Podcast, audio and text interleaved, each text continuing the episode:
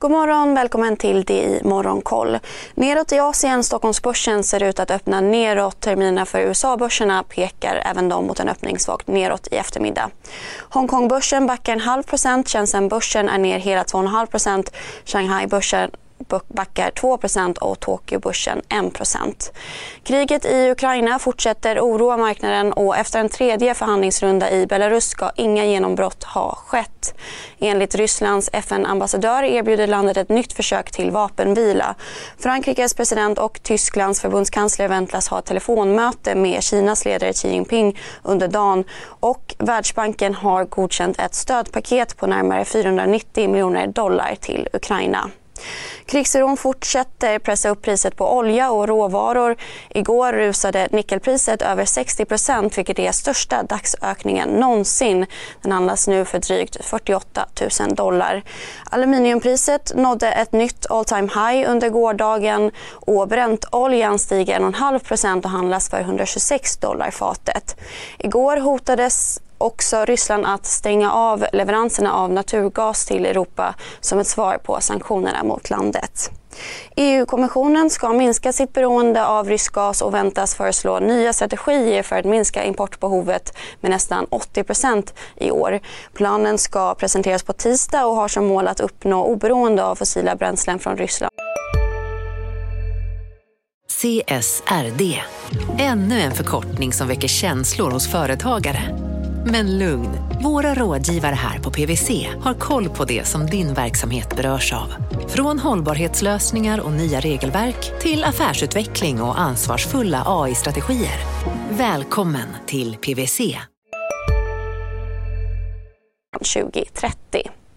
S&P 500 var ner 3% vid stängning igår vilket är största nedgången sedan 2020. Nasdaq var ner 3,5% Marknaden oroas över att stigande energipriser kan förvärra inflationen. Bensinpriset i USA har slagit prisrekord och handlas nu för motsvarande 10 kronor och 90 öre liten vilket är högre än priserna under finanskrisen. Så till Sverige där bostadsrättspriserna steg med 2% i hela landet i februari. Samtidigt fortsatte villapriserna uppåt och steg med 1% enligt Svensk Mäklarstatistik. Och för Nordics kommersiella chef har sålt alla sina aktier i bolaget för närmare 10 miljoner kronor. För Nordic som har 80% av sin omsättning i Ryssland har haft det tufft på börsen sedan krigsutbrottet och är hittills ner runt 80% sedan årsskiftet. Samtidigt har Readlys grundare Joel Wickel sålt sina sista aktier i magasinbolaget för 10 miljoner kronor enligt uppgifter till Breakit.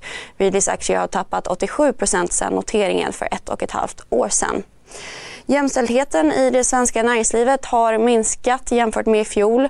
38 av 358 bolag på Stockholmsbörsen leds av kvinnor vilket innebär att andelen kvinnliga vd minskat från 12,5 till 10,6 procent. Mer nyheter hittar ni på sajt. Missa inte heller Börsmorgon 8.45 och Börskoll klockan 14. Hej, Synoptik här. Så här års är det extra viktigt att du skyddar dina ögon mot solens skadliga strålar. Därför får du just nu 50% på ett par solglasögon i din styrka när du köper glasögon hos oss på Synoptik. Boka tid och läs mer på synoptik.se. Välkommen! CSRD, ännu en förkortning som väcker känslor hos företagare. Men lugn, våra rådgivare här på PWC har koll på det som din verksamhet berörs av. Från hållbarhetslösningar och nya regelverk till affärsutveckling och ansvarsfulla AI-strategier. Välkommen till PWC.